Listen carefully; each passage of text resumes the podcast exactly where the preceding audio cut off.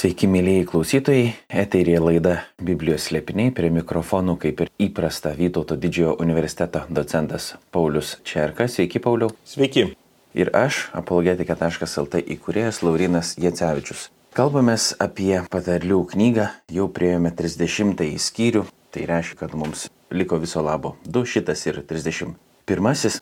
Skaitome po gabaliuką, po kelias eilutes ir jas aptarinėjame. Ta pati darysime ir šiandien. Prieš laidą jau šiek tiek su Pauliumi kalbėjom, kad mūsų laukia tikrai įdomus skyrius, kuriame rasime ir nežinomų vardų, arba bent jau girdėtų vardų, bet ne visai aišku, kas tie asmenys yra.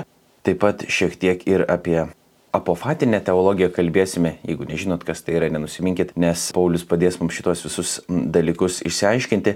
Tad tą, ką suplanavę ir bandysim šiandien padaryti. Tad skaitom 30 patarlių knygos skyrių, aptarinėdami po vieną ar kelias eilutes. Patarlių knygos 30 skyrius, pirmą eilutę. Agūro, Jakės Masiečių sūnau žodžiai šio žmogaus ištarmė. Dievo nėra su manimi, Dievo nėra su manimi ir aš bejėgis. Pauliu, galbūt galima priminti, kas yra tiksliai tas agūras. Iš tikrųjų, mes iki galo nežinom, kas yra gūras, jį sutinkame tik šioje švento rašto vietoje, tačiau tekstinės analizės akivaizdu, kad jis nėra tas pats autorius, kurį mes sutinkame iki šios skyriaus. Jis yra kažkoks kitas. Šiandieniniai teksto kritikai numano, kad jis galėjo būti ne žydas, galėjo būti gretimos tautos išminčius. Ir tai nieko nuostabaus, juk mes jau matėme, kad patarlėse yra integruotos 30 egiptietiškų patarlių posakiai. Jie šiek tiek pakoreguoti, tačiau panašu, kad egiptietiška išmintis turėjo įtakos. Agūras greičiausiai bus kažkur iš rytų šalių išminčius, taip galima numanyti, nors aišku, rabinistiškas požiūris mano, kad agūras yra Saliamono slapyvardis, bet šiuolaikinė teksto kritika aiškiai mato, kad šis skyrius yra visiškai kitoks - stilistika, kalbėjimo būdų, naudojimo žodynų. Todėl šis autorius na, nėra tas pats autorius arba tos pačios šaknies, tos pačios kilmės, tos pačios mokyklos, kurią mes skaitėme iki šiol. Ir čia noriu pasakyti, kad net jeigu jis ir yra iš pagoniškų tautų arba nežydiškų tautų atstovas, tai neturėtų mus labai stebinti nes priešiškumas kitoms tautoms labiau buvo būdingas fariziejiškam dvasingumui. Senam testamente, Tanakė, e, mes nematome tokio neigiamo požiūrio. Priešingai, mes matom labai teigiamą požiūrį ir čia aš galėčiau tik priminti klausytojams, kad Rūtos knygos heroja Rūta yra Moabitė, gesmių gesmės heroja yra Sulamietė, Saliamono išminties ateina pasiklausyti pietų šalies karalienė, Nojus ir Melchisedekas taip pat nėra žydai ir apipjaustieji. Jobas ir jo draugai nėra žydai, yra ištisa išminties knyga, jų autorystės pagrindu.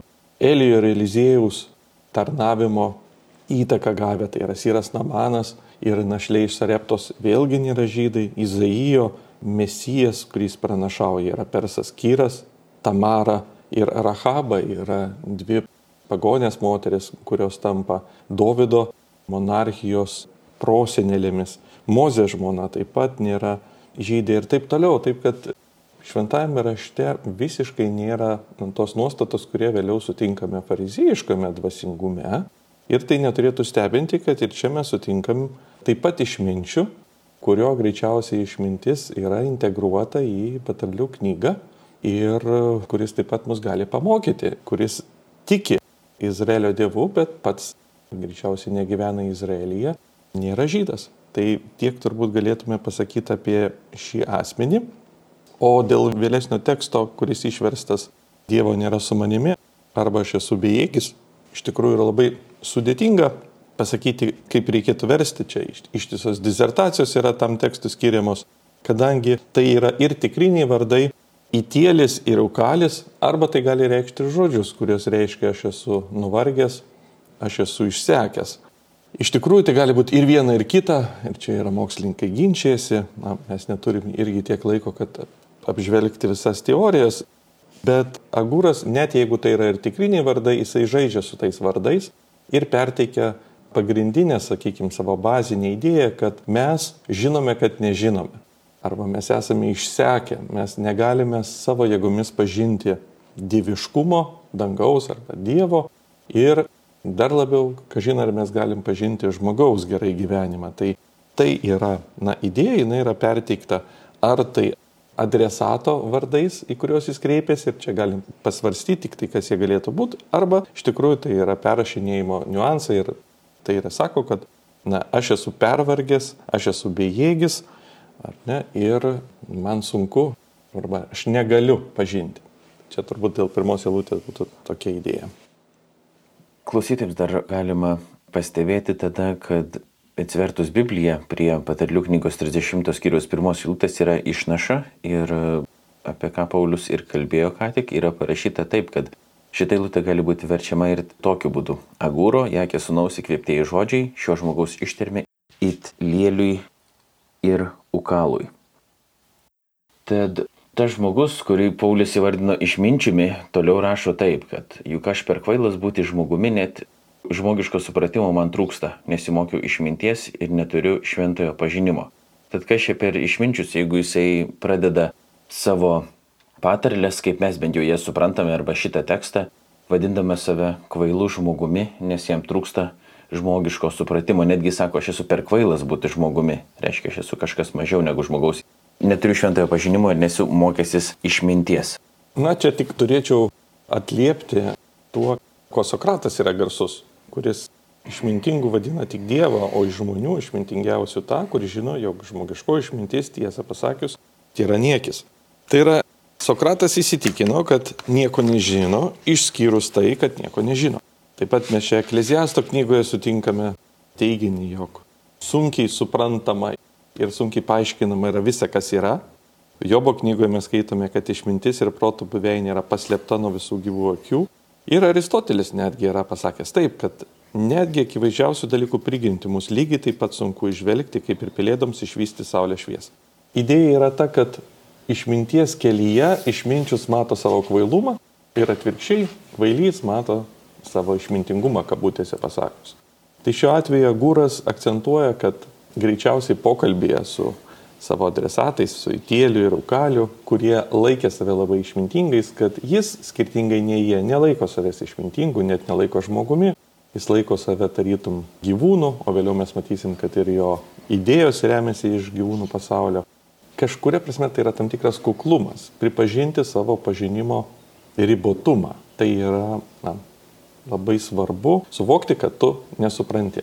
Ir iš tikrųjų, kuo žmogus geriau išmano reikalą, tuo jis kukliau vertina savo žinias. Ir atvirkščiai, kuo jis mažiau išmano reikalą, tuo jis lengviau įsitikinę, kad jis gali pažinti. Taigi čia pirmiausia mes matom tą pripažinimą, jog mes negalim pažinti, yra tam tikras ribotumas, negalėjimas pažinti būtent dieviškųjų paslapčių, pripažinimas, kad jų mes taip pat negalim tiesiogiai savo protų išvelgti. Ir štai čia mes susitinkam su apofatinė teologija, tai yra teologija, kuri paremta neiginiais.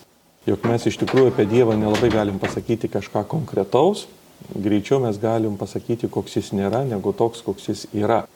Tai Agūras būtų mums tokios teologijos šalininkas, pabrėžiantis, jog jis neturi šventojo pažinimo, tai yra, jis negali pasakyti iš savęs kažką konkretaus apie Dievą.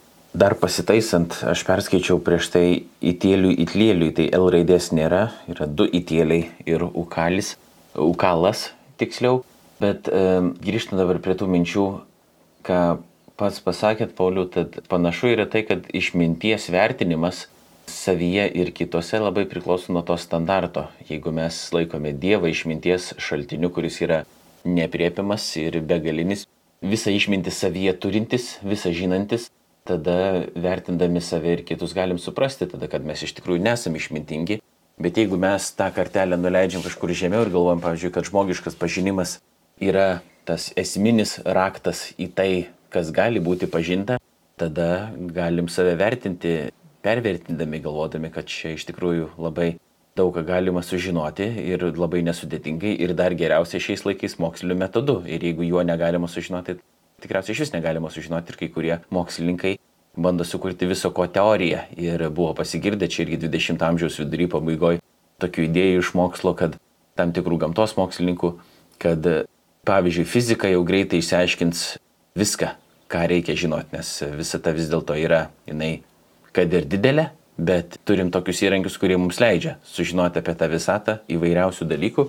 Ir ne tik, įvairiausių, bet praktiškai visų.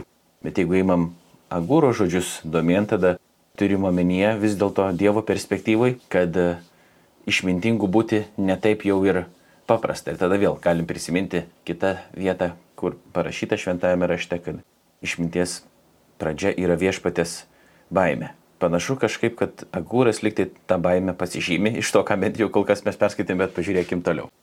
Nuo ketvirtosios ilgas, tiksliau tą pačią vieną ir perskaitykim. Kas užžengė į dangų ir vėl nužengė, kas pagavo vėją savo saują, kas susėmė vandenį savo drabužių, kas sužymėjo žemės ribas, kuo jis vardu, kuo vardu jo sunus. Iš tikrųjų, tu tai žinai. Du klausimai. Tiksliau vienas pastebėjimas ir vienas klausimas.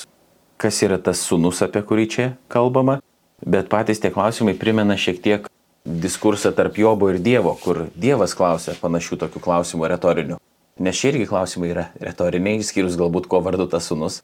Kai Jobas su Dievu kalbasi ir Dievas klausia, kur tu buvai, kai buvo visa sukurta ir taip toliau, ar ne, kad nu, niekur jis nebuvo, jis nebuvo dar pats sukurtas.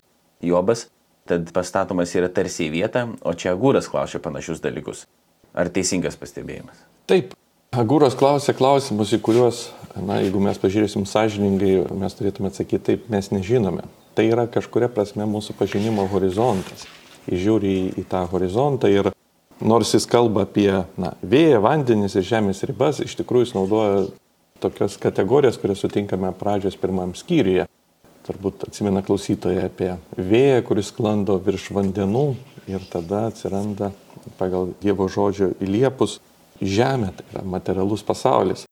Iš tikrųjų tai yra tam tikri pradmenys, tai tikrai nekalbama apie mūsų būtyje sutinkamą vėją arba Baltijos jūrą, tai kalbama apie mūsų būties pradmenys ir mūsų pažinimo horizontą kad ir kiek mes gamtinių mokslinių metodų galėtume siekti kažką pažinti, mes atsiremsime į tam tikrą horizontą iki pačios pradžios, iki tol, kol mūsų pažinimas tiesiog nebegali siekti.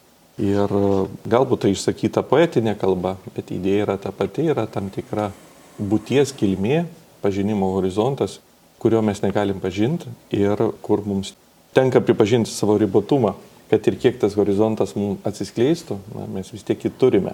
Na, kalbant apie koks yra jo vardas ir koks sunaus vardas, iš esmės jis kalba apie Dievo esmę, koks Dievas yra savyje. Galbūt mes galim pamatyti Dievo veikimą vienaip ar kitaip, išvelgti jį mūsų gyvenime, tačiau mes niekaip negalime išvelgti, koks Dievas yra savyje. Tai yra jo vardas, yra jo esmė, o jo sunus. Net ir jau tais laikais buvo svarstoma, kad Dieve galėtų būti tam tikras judesys, tam tikri kilimai vadinamos emanacijos ir buvo pateikta įvairių teorijų, kaip iš to nepažinaus begalinio Dievo, kokiu būdu atsiranda kūrinyje. Mokyklų buvo keletą, bet mąstytojai jie jau svarstė, kad Dievo viduje gali būti tam tikras kilimas. Ir mes, būdami krikščionys, žinome apie šventąją trejybę, jog Dievas yra trijose asmenyse, iš ties jame yra kilimai, yra sunus, kuris amžinybėje yra gimęs, bet tai yra amžinybės kategorija. Ir yra šventoji dvasia, kuri yra įvėpiama, yra kilusi kitų būdų. Ir tam tikras kilimas, kiek saliginai mes kiek jas galim kalbėti žmogišką kalbą, Dieve yra. Tačiau Agūras teigia, jog savo protu, net jeigu toks ir būtų, mes negalėtume pažinti.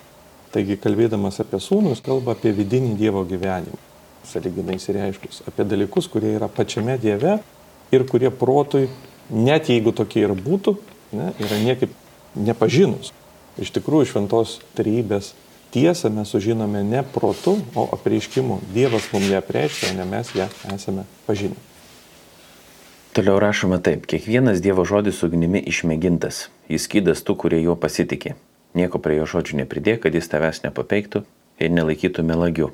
Prieš tai buvo kalbama apie tai, kas Dievas yra, o dabar apie tai, ką Dievas kalba. Dažniausiai krikščionys išgirdę frazę Dievo žodis iš karto galvoja apie šventąjį raštą, bet klausimas yra, ar tada čia kalbama būtent apie šventosius tekstus, kurių kažkiek buvo, galima manyti tuo metu, bet toli gražu nebuvo visi. Naujojo testamento tikrai nebuvo. Bet jeigu jau čia yra sąsajos tam tikros su pradžios knyga, gali būti, kad galim taip tada svarstyti, kad Agūras kažkaip yra susipažinęs su pradžios knygos tekstais, nebent jisai rašo kažką tokio visiškai nesusipažinęs su jais, bet kažkokiu įdomiu būdu tai susisieja, tiesiog jisai turi panašias tokias idėjas. Bet grįžtant prie to klausimo, kas yra tas Dievo žodis, kuris gali turėti čia minimas ir kodėl jis yra ugnimi išmėgintas? Na, idėja yra turbūt ta, kad jei mes negalime, niekaip negalime patys pažinti Dievo, tai yra idėja, kad ar yra kas užžengęs į dangų, kad grįžtų atgal ir pasakytų, ir Jono Evangelijoje yra panaudojami tie pačiai žodžiais, kalbant, jog tik vienas Kristus, Dievo amžinas sunus, gyvasis Dievo žodis, jisai nužengė iš dangaus, tai yra jis atėjo pas mus, o ne mes užžengė pas jį. Jis atėjo, kad mums parodytų tiesą, Tai šiuo atveju, kalbant apie Dievo žodį, ir yra pati idėja, kad tik Dievas gali mums pasakyti apie save, atidengti save patį ir jis atėjo pas mus savo žodžiu. Iš tikrųjų, jis kalbėjo per pranašų Seno testamento laikotarpyje, tai per pranašų gyvenimą, tai yra būtent taip kalbėjo jo žodis, o atėjus laiko pilnatvės prakalbo per sūnų, apie kurį prieš tai ketvirtoje lūtėje kalbėjom, ar Dievas turi sūnų, jis tik buvo klausimą uždavęs, o mes sužinom, kad taip jis jį turi Tai ir yra tas Dievo žodis ir juo nužengęs į mūsų pasaulį jis atidengia save patį. Reiškia, gūro idėja yra pagrindinė tokia, kad žmogus nepajėgus užžengti į dangų. Savo protu, savo pastangomis, vienintelis Dievas gali nužengti pas žmogų. Dabar jau turiu čia paklausyti, tai neprieštarauja tai, kas parašyta romiečiams laiške, jei neklystu pirmam skyriui, kad iš Dievo kūrinijos galim pažinti kažką apie Dievą. Dabar liktai čia kalbame apie tai, kad nelabai ką galima apie Dievą pažinti, ar raktas ir yra tame, kad vis dėlto Dievas per kūrinyje kažką yra apie save apreiškis ir mes vien mąstydami nebūtinai galim pažinti tas Dievo gelmes.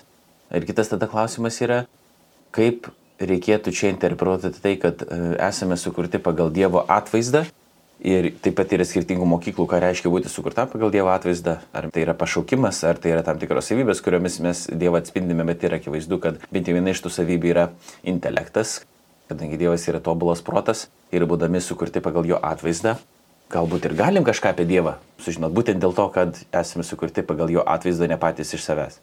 Taip, apaštalas Paulius minė, kad mes galime pamatyti tam tikrus dalykus žiūrėdami kūrinyje, bet čia reiktų pasakyti, kad pati kūrinyje švento rašto pasakojime taip pat yra sukuriama jo žodžiu.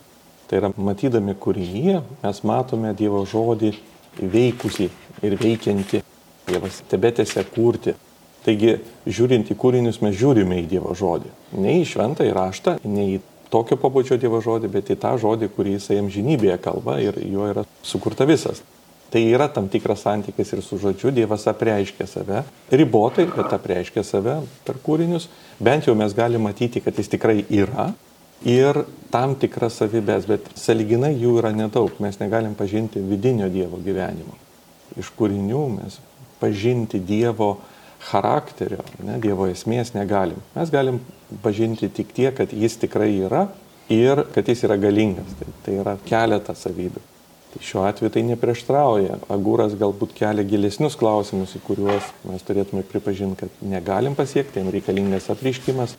O tam tikro prieškimo kiekis yra ir, ir kūriniuose, nes juk tai yra Dievo žodžio rezultatas, Dievo žodžio kūrybos rezultatas.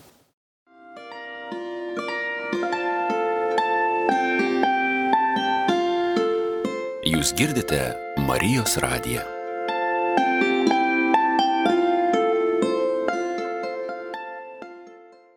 Toliau kalbama Agūro malda nuo septintos eilutės. Dviejų dalykų iš tavęs prašau, neatsisakyk jų suteikti man dar prieš mirtį.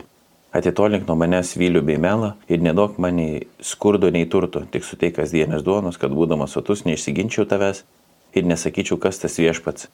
Arba būdamas skurde, vokčiau ir paniekčiau savo Dievo vardą. Tai vėlgi yra tarsi nuoroda tokia į kitą vietą vienoje iš pranašyšių rašyta yra, kad tik vieno dalyko ten noriu, o čia dabar norima dviejų dalykų, bet ten norima ir lankytis viešpatė šventykloje ir gerėtis viešpatė žavumu, o čia atrodytų paprastesnių tiesiog kad melas būtų toli nuo jo ir kad jis būtų nei per daug turtingas, nei per daug vargšas. Atrodo tokia galbūt ir keistoki prašymai, ar ne taip? Taip, mums turbūt yra neįprasti ir tai beje yra vienintelė malda patarlių knygoje. Dažnai mums atrodo, kad keista, kad žmogus neprašo turtų. Dažniausiai mes esame linkę turbūt Dievo paprašyti turtų, sakydami, kad jeigu juos turėtume, tai tikrai juos panaudotume tinkamai. Aišku, dalį manome, kad atiduotume vargšams arba Dievo reikmėms, taip įsireiškus, bet matom, kad išminčius melžiasi kitaip. Ir kas jam rūpi, ne tiek jam rūpi, ar jis bus turtingas, ar jis bus vargšas, kiek jam rūpi, kad jisai neįsigintų ir nepasididžiuotų Dievo, arba iš kitos pusės be reikalo neminėtų Dievo vardo ir nepradėtų vokti. Tai šiuo atveju mes matom, kad rūpestis jo liečia ne ką jis turi, bet kaip jis manosi pasielgsis vienose ar kitose aplinkybėse ir kas yra dar svarbiau, jog jis nėra tikras, kaip jis pasielgs. Štai ko mes turim pasimokyti, kad jis nėra savimi tikras, jog jis gavęs turtus, kad jis žino, ką jis su jais darys, arba priešingai patekęs į sunkę situaciją, vėlgi jis nėra tikras, kaip jis pasielgs, jis laiko save silpną. Štai yra jo pagrindinė maldos savybė - matyti save silpnu, Todėl jis ir atitinkamai formuoja savo prašymus. Iš čia kyla tas kasdieninės duonos prašymas, kurį mes atkartojame ir tėvė mūsų maldoje, prašydami kasdieninės duonos. Ir tėvė mūsų maldoje tas silpnumo prašymas arba iš silpnumo kylantis prašymai nuolat atsikartoja. Nevesk mūsų į pagundą, neleisk mūsų gundyti su lietuvimus. Gelbėk mus nuo pikto, atleisk mūsų kaltes, visi tie prašymai yra paremti žmogaus, kuris mato save nuodėmingą, silpną ir nepajėginti, gundomą. Tai yra ne žmogų, kuris yra užtikrintas savo teisumu, savo ateitimi, bet žmogų, kuris abejoja savimi. Ne Dievu, bet savimi. Tai iš ties tai yra agūro kelias - matyti save silpnu ir nepajėginčiu ir todėl atitinkamai ir melstis, dvėjojant savo galimybėmis, savo veiksmais, savimi. Štai kur yra išminties, vadinkim, pamokymas. Išmintingai dabar atsiminiau, kad e, nepranašystėje ta mano cituota eilutė buvo, tiksliau, bet iš Salmino 27 skyriaus, bet dabar toliau skaitome patarlių knygos 30 skyriaus 10-14 eilutės. Neskusk tarno jo šeimininkui, kad tarnas tavęs nekeiktų ir tu nenukentėtum. Yra tokių, kurie keikia savo tėvus, ir neneša palaimų savo motinoms. Yra tokių, kurie tarėsi esą švarus, tačiau savo purvo nėra nusivalę. Yra tokių, kurių išpuikusios akis valdingas žvilgsnis. Yra tokių, kurių dantis it kalavėjai, nasrai it peiliai, šalies beturčiams, žmonijos vargšams suryti. Vienas tas žodis, kuris man e, užkliuvo dabar yra keikė, keikimas. Taip pat nemažai esam kalbėję apie išpuikusias akis ir agūras čia kalba apie tai, kad yra tokių žmonių. Reikėtų suprasti, kad tai nėra gerai, bet galbūt būtų galima šiek tiek pakalbėti apie tą tėvų keikimą ir kas čia turima tuo omeny apskritai galbūt to keikimu. Tie žodžiai, kurie išversti yra tokių žmonių, pažodžiui būtų yra tokia karta, ir čia turbūt mes prisimenam Evangelijose paminėtą žodį, kad ši pikta karta reikalauja ženklo, nepraeis nei ši karta. Eina kalba apie tam tikrą, galima pasakyti, kartą arba klasę žmonių, ar ne, kurie būtent Jėzaus laikais galbūt fariziejų dvasingume buvo išreikšti. Tai yra labai stipriam įsitikinime savo teisumo, savo švarumo. Čia šiuo atveju mes matom, kad jų ir akis savy mato vien tik tai, kas pozityvu, o kitose tik tai, kas nešvaru ir nemato pagarbos savo tėvams. Viena vertus, jie pranašams statydavo, na tai dvasiniams tėvams irgi galim pasakyti, pranašams statydavo paminklus, tačiau neklausydavo pranašų mokymų. Tikroji pagarba yra įsiklausimas į tuos, kurie buvo prieš mus, mes niekada nesame atsiradę lygioje vietoje, na, mes galim sakyti bažnyčios tėvai, bažnyčios mokytojai, apaštalai, Seno testamento šventieji, turime sekti ir juos įsiklausyti. Ne tik pastatyti paminklą, formaliai atiduoti pagarbą, bet iš tikrųjų gilintis į jų mintis.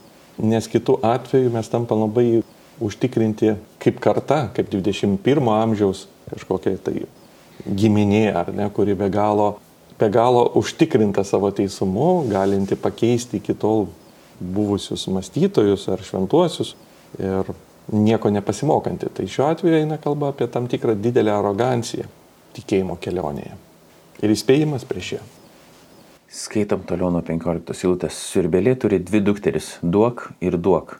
Tos trys niekada nėra sočios, o gana niekada nesako keturi. Šiolas bevaisis iššios nuolat vandens trokštanti žemė ir ugnis niekada nesakanti gana. Akis, kurį tyčiojasi iš savo tėvo ir niekina savo seną motiną, bus slėnio kranklių iškapota ir erelio jauniklių sulesta. Vėl kalbam apie tai, kad uh, apie kažką, kuriems ar kuriam yra nuolat negana. Ne, ir čia tokia juokinga eilutė, atrodytų iš pirmo žvilgsnio, kad Sirbilė turi dvi dukteris, duok ir duok, kurių vardai yra tokie patys. Apie ką kalbama čia? Komentatoriai nėra tikri iš tikrųjų dėl šios ištarmės prasmės, yra daug pateikta įvairių paaiškinimų. Vienas gan gražus rabinistinis aiškinimas, jog tos dvi dukteris yra dangus ir pragaras, kurie niekada nepasibaigia ir niekada nepasako sustok, jie nuolat kariauja dėl žmogaus likimo. Kita vertus, na, turbūt e, galima matyti, kad tam tikros aistros, aistrų nepasitenkinamumas žmogus niekada negali sustoti, tai gali būti ir godumo aistra, iš principo bet kuri mūsų aistra, kuri niekada mūsų nepasotina. Kaip surus vanduo, ar ne, mes nuolat vartodami iš tikrųjų tampame trokštantis vartoti dar stipriau ir šiuo atveju tarytum jis kalba apie tą gyvenimą kūniškų aistrų būdu. Tai yra kelias, kuris na, niekada nebus pasotintas. Tai turbūt gal vieną iš paaiškinimų aš taip pateikčiau tokį. Toliau skaičiai tesiami nuo 18 eilutės. Trys dalykai man perdėm nuostabus ir keturių iš tikrųjų negaliu suprasti. Kaip erelis krenta padangėmis, kaip žalti išliaužė statmeną uolą, kaip laivas plaukia plačia jūra ir kaip vaikinas suranda kelią pas merginą. Tikėtina, kad e, nėra taip, kad Agūras čia tiesiog nesupranta šitų kelių dalykų ir jeigu gyventų 21 amžiuje, tai suprastų ir kaip laivai plaukia, ir kaip gyvatė statmeno uola šliaužia ir tada jam nebekiltų jokie klausimai. Ne? Čia tik matyt, kad yra kažkokia gilesnė prasme, kaip ir apie tuos pradus, kalbant pačioj pradžioje apie vandenį ir ugnį. Taip, mes sutinkam tam tikras erdves, pasaulius, erelis yra ore, žaltys ant žemės, laivas vandenį juos vienyje tam tikras na, momentas, kad jie nepalieka pėdsakų savo judėjime ir jie neina iškių taku. Taip, nėra iškaus tako, vandeninas yra platus ir laivas plaukia, tačiau nėra kelio tikslaus, kuris turėtų eiti. Lygiai taip pat ir ant olos nėra pažymėtos vietos, kur reikėtų gyvatį išliaužti. Na ir oras arba erdvė nėra suskirstyta, kad kur paukščiui reiktų skristi tam tikras neapibrieštumas ir neiškumas. Mes nežinom sekančio, sakykime, mes negalim nuprognozuoti, kaip pasisuks šitų gyvių ir daiktų judėjimas ir mes negalime jo atsekti, kaip jis įvyko. Tai kulminacija šitos patarlės yra vaikino kelias pas merginą, tai yra vyro ir moters meilės kelionė. Tai yra neįsenkantis šaltinis kūrybai, romanams, apsakymams, kaip iš tikrųjų vaikinas ir mergina suranda vienas kitą, kaip jie sukuria šeimą. Ir atrodo, tai niekada nesikartoja, visada unikalu, visada kelia iššūkį, žavisi tiksliau mums, kurie stebime. Lygiai taip pat nėra aiškių taisyklių, aiškių formulių, ką reikėtų pasakyti ir padaryti, kad tie santykiai užsimėgstų ir kaip tas įsimylėjimas įvyksta. Tai šiuo atveju Gūras mano galva perteikė, kad žmogaus ir Dievo santykis yra labai panašus. Dievas randa kelią pa žmogų ne pagal aiškias formulės ir taisyklės, bet labai sunkiai apibrėžiančių būdų. Mes sunkiai galim apsakyti kaip. Ir vis tik Dievas randa kelią pas žmogų. Pas kiekvieną gan unikaliai, nesikartojančiai. Nėra tų aiškių formulių. Taip kaip ir šitam judėjime. Tai mano galva, čia vienas iš interpretacijų, bet būtų tokia, kad kalbama labai vaizdingai apie Dievo ir žmogaus tokį santyki, kuris nesiduoda lengvai aprašomas. Panašiai kaip ir romantinė meilė arba laivo, žalčio ir erelio judėjimas. Skaitom toliau. Taip elgėsi svetimautoje. Pavalgo nusišlosto burną ir sako, nieko piktą nepadariau. Trys dalykai sudrebina žemę ir keturių jie jau nebegali pakelti. Vergo, kai jis tampa karaliumi, nepagydomo kvailio, kai jis sotus jaurios moters, kai išteka, ir vergės, kai užima šeimininkės vietą. Vėl skirtingos situacijos, vėl skaičiai, galbūt teko domėtis, kodėl taip svarbu yra 3 ir 4, kadangi nuolat e, jie pasikartoja. Na, iš tikrųjų, čia yra 2, 3 ir 4 laurinai. Tiesa, mes matom didėjantį. Prieš tai buvo dvi dukros, taip, ir paskui 3 ir 4, paskui tik 3, 4. Na, idėja yra tokia, kad tai yra augantis skaičiai, norint pabrėžti, kad sąrašas nėra baigtinis, jis yra tik pavyzdinis. Turbūt idėja skaičių būtų tokia. O kalbant apie tą svetimautojos kelią, jinai yra prieš pastatoma prieš tai buvusi vyro kelią pas merginą, taip, tai yra tikros meilės kelias, o čia yra netikros meilės kelias.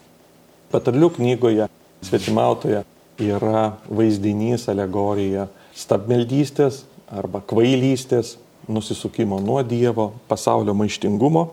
Todėl viena vertus Dievo kelionė pa žmogui yra lik vyro santokinė meilė merginai, moteriai, o atvirkščiai, būtent svetimautojas kelias tai yra tos pasaulio gundimas žmogui palikti Dievą.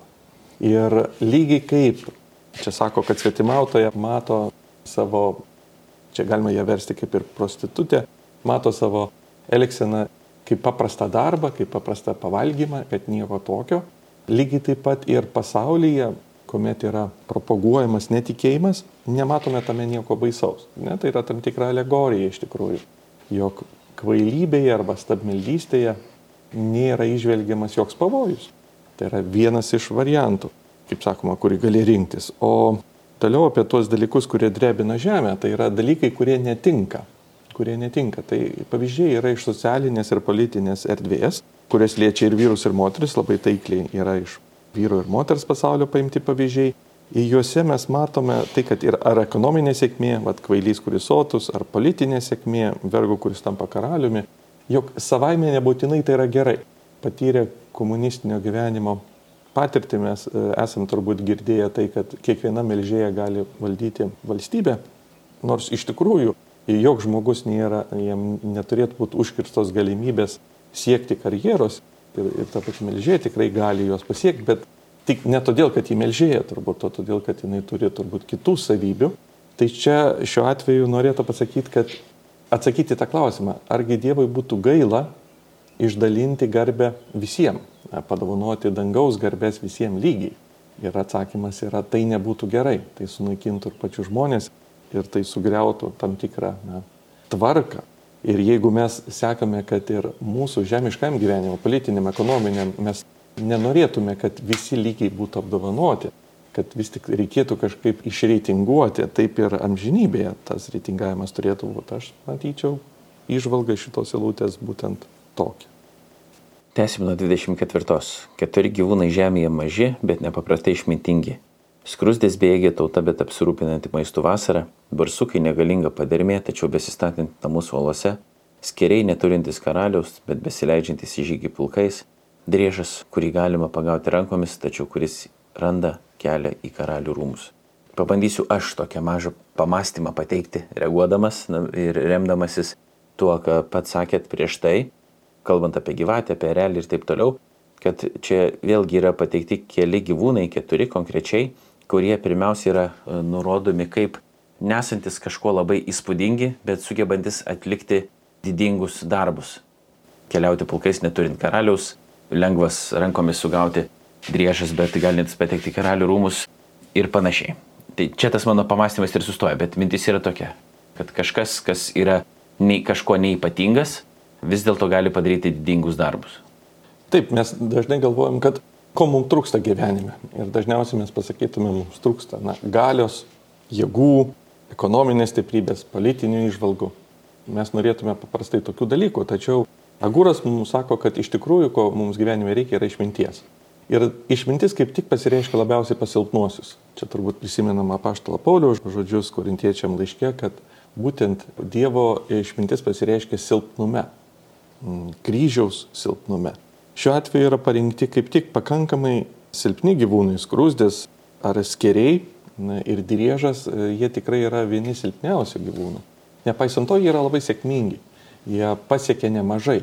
Ne todėl, kad būtų stiprus, bet todėl, kad elgėsi išmintingai. Ir išminties literatūra idėja yra tokia, kad kiekvienas yra kviečiamas į išmintį. Gal ne kiekvienas gali tapti stipriu, bet kiekvienas gali tapti išmintingu. Atsimenam čia patarlių knygoje, kuomet išmintis išeina kviesti visus į gatves, į miesto aikštę, sakydami, ateikite pas mane ir klausykitės.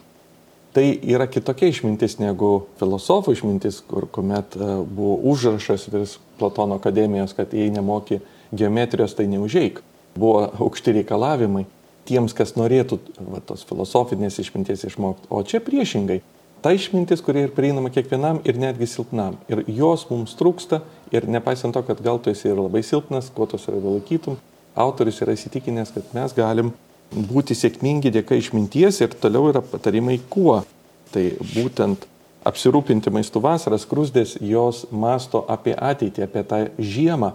Tai būtų paskutinio teismo reakcija į paskutinį teismą žmogaus gyvenime, jog jis mąstydamas apie tą žiemą arteinančią, apie tą patikrinimą, išbandymą galutinį žmogaus, jis jam ruošiasi. Na, barsukai, kurie rausėsi uoloje, na, čia mums tikintiems turbūt aiškiai alegorija yra įsitvirtinimas tikėjime ir Kristuje. Toliau kalba apie vienybę tarp skėrių, kurie irgi yra įdomus na, gyviai atskirai paėmus jie paprastai žiogai, bet kai susibūrė į tokią bendruomenę, vienas kitą jie jaudrina ir jie tarytum transformuojasi visai kitą gyvį, neturi aiškaus lyderio, nepaisant to gali judėti labai didelė vienybė. Tai vėl yra nuoroda į bendruomenės gyvenimą.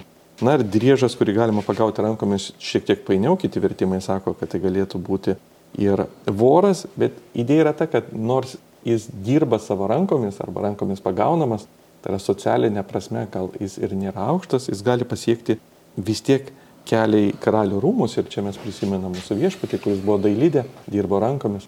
Tai nebuvo Dievui jokia gėda. Jo teisinis tėvas Juozapas taip pat buvo dailydė, taip, ir nepaisant to, kad jis buvo iš karališkos giminės. Jie nesigėdėjo rankų darbo ir tai nebuvo kliūtis iš tikrųjų jų kelionėje su Dievu. Tas paprastas socialinis gyvenimas. Toliau yra vardėjami jau keli gyvūnai, kurie tarsi ir pasižymė kažkokią jėgą. Tris gyvūnai didingi savo eiseną ir keturi didingi savo žingsniu. Liūtas, žvėrių galiūnas, nenusileidžiantis niekam. Gaidys išdidžiai žingsniuojantis ožys ir karalius, kai nėra kas jam priešintųsi. Kadangi jau beveik mūsų laikas baigėsi, tad prašau trumpai truputį sureaguoti į šitą vietą ir tada užbaigsime jau paskutiniam keliom eilutėm. Taip, ši vieta yra tikrai paini ir gali būti, kad akcentas yra į karalių, kuris su niekuo nesulygidamas, tai gali kalbėti apie Dievą, kuris yra kitoks ir kuris vienintelis yra geras, kaip Evangelija sako, kurio ėjimas yra visiškai kitoks negu viso kito, jis vienintelis išsiskiria iš kitų kūrinių, galima, nors jis ne kūrinys, tai galima pasakyti taip. Kita vertus, galima galbūt kalbėti apie vidinę tvarką savyje, kuomet žmogus tampa savo įnorių karalius, jo gyvenimas tampa gražus. Tai turbūt toks komentaras būtų šitų vietų. Jeigu buvai toks kvailas, kad įžuliai ilgeisi, ar buvai pinklius spendėjęs, taptelk ir pagalvok. Juk kaip grėtinė mušant sumušamas sviestas ir kaip sumušus nosi prasilieja kraujas, taip žadinant pyktį, kyla vaidas. Vėl kalbama apie išmintį, atrodytų, ar ne? Tai dar gal kažkokia paskutinė išvalga aptariant šitas eilutes. Kad labai vaizdingas palyginimas apie tą sumuštą nosį. Tai gali pasakyti, labai yra aišku, kad yra laikas sustoti kurstant neapykantą, nes dažniausiai vėliau yra jau tik padariniai. Ačiū Pauliau, dėkoju visiems, kurie buvote prisijungę prie mūsų. Liko mums jau paskutinis patarlių 31 skyrius, kuris yra nemažai kam gerai žinomas, daug yra dažnai cituojamas. Jeigu nežinot kodėl, laukit kito susitikimo ir sužinosit. Dar kartą primenu, kad prie mikrofonų buvo Vytauto didžiojo universiteto docentas Paulius Čerka ir aš apologetika.lt įkūrėjas Laurinas Jacevičius. Dėkoju visiems ir iki kitų susitikimų. Iki ir sudė.